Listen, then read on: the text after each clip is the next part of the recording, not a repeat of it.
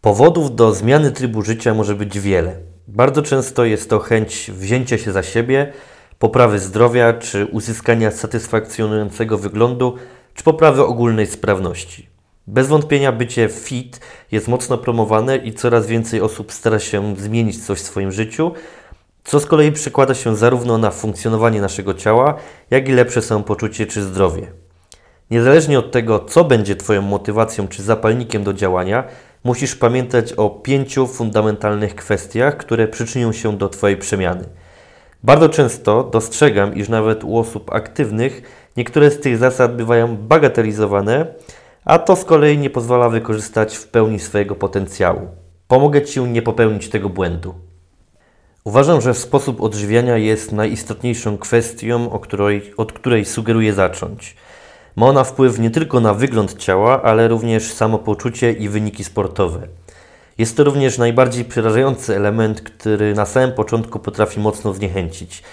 Nie dziwi mnie to, ponieważ słowo dieta nie kojarzy się z niczym przyjemnym. Jednak wcale nie musi to być takie skomplikowane, jak mogłoby się wydawać. Kluczem będzie ustalenie odpowiedniej kaloryczności, bazowanie na jak najmniej przetworzonych produktach, jednak bez całkowitego wykluczenia posiłków, które lubisz. Dieta ma być przede wszystkim smaczna, dostarczająca odpowiednich mikro i makroskładników oraz łatwa w utrzymaniu. Każdy słyszał stwierdzenie jesteś tym, co jesz i podpisuje się pod tym obiema rękami.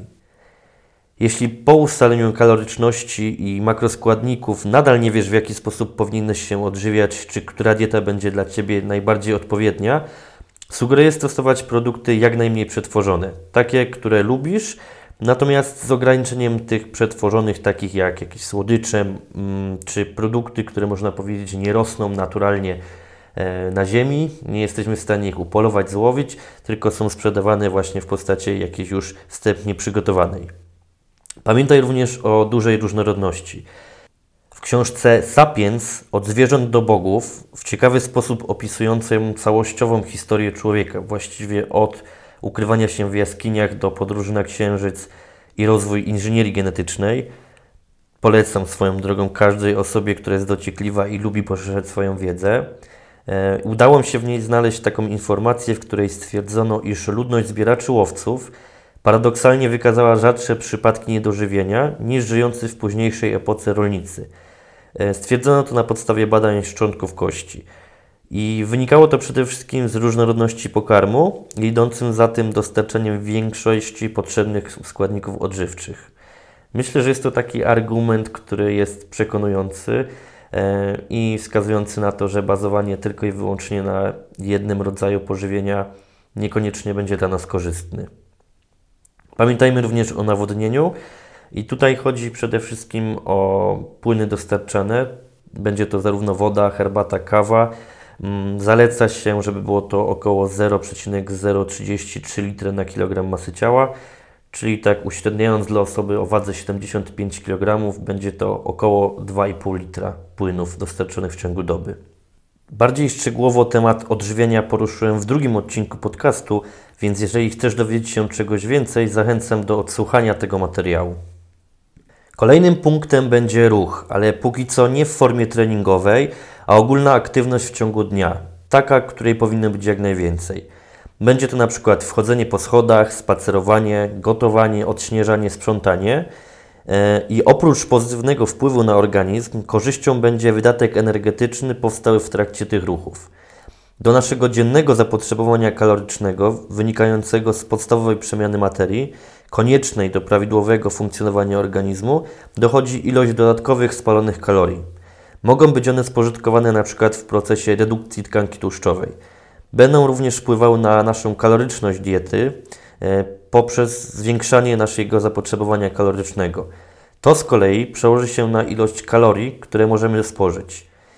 Niskointensywny wysiłek wspomaga także regenerację poprzez regulację pracy układu nerwowego.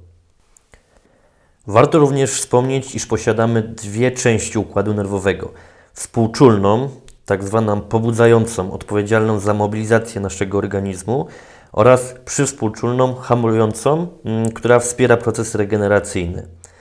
Wyrównana praca całego układu nerwowego będzie konieczna do uzyskania pożądanych efektów.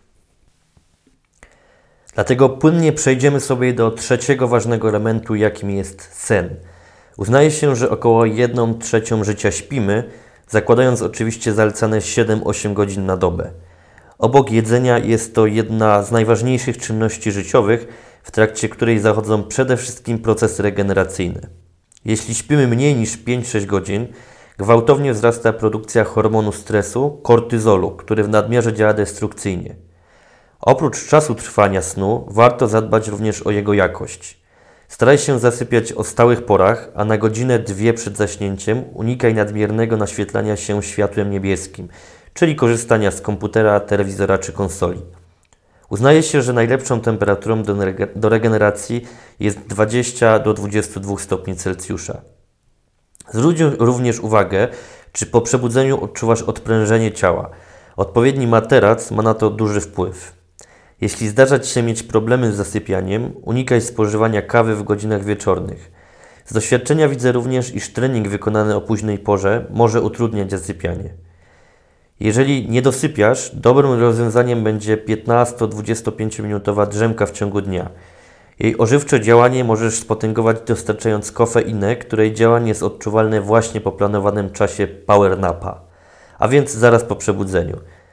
Pamiętaj, aby nie była ona zbyt długa, gdyż efekt będzie odwrotny do zamierzonego. Czwartym punktem będzie wszechstronny, dopasowany do możliwości trening. Sport nie jest zdrowiem, ruch nim jest. Dzieje się tak, ponieważ nadmiar konkretnej aktywności szkodzi, doprowadzając do adaptacji, których trzeba być świadomym. Spójrzmy na przykład na bokserów. Pomimo iż są super sprawni, mają dobrą kondycję i są efektywni w swojej dyscyplinie, nie mogą pochwalić się postawą ciała na ogół uznawaną za poprawną, ponieważ częsta praca w pozycji zamkniętej doprowadza do adaptacji układu mm, mięśniowo-szkieletowego w postaci wysunięcia barków i głowy do przodu. Drugim przykładem może być maratończyk i specyfika sportu wytrzymałościowego, wymagającego niskiej ilości masy ciała, w tym również tkanki mięśniowej. Jeśli chodzi o osoby, którym zależy na zdrowiu, sugerowałbym bardziej holistyczne podejście, zakładające pracę zarówno nad siłą, wytrzymałością, mobilnością, kondycją, ale także świadomością swojego ciała. Odpowiednio zaprogramowany trening pozwoli na bezpieczne uprawianie np. sportów sezonowych, rywalizacji w biegach z przeszkodami czy czerpanie radości z dowolnej, wybranej aktywności fizycznej. I na koniec element, o którym bardzo często zapominamy, czyli zarządzanie czasem. Zaplanowany dzień oraz tydzień pomoże zachowywać zdrowie psychiczne i fizyczne, ale i ułatwi wykonanie treningów czy umożliwi kontrolowanie diety. Brak czasu to najczęstsza wymówka. U mnie bardzo dobrze sprawdza się wykonanie jednych większych zakupów spożywczych w tygodniu, ponieważ dostęp do produktów ułatwia przygotowanie posiłków. Planowanie spraw do załatwienia z tygodniowym wyprzedzeniem również jest przydatne w wykonywaniu treningów bez niepotrzebnego stresu.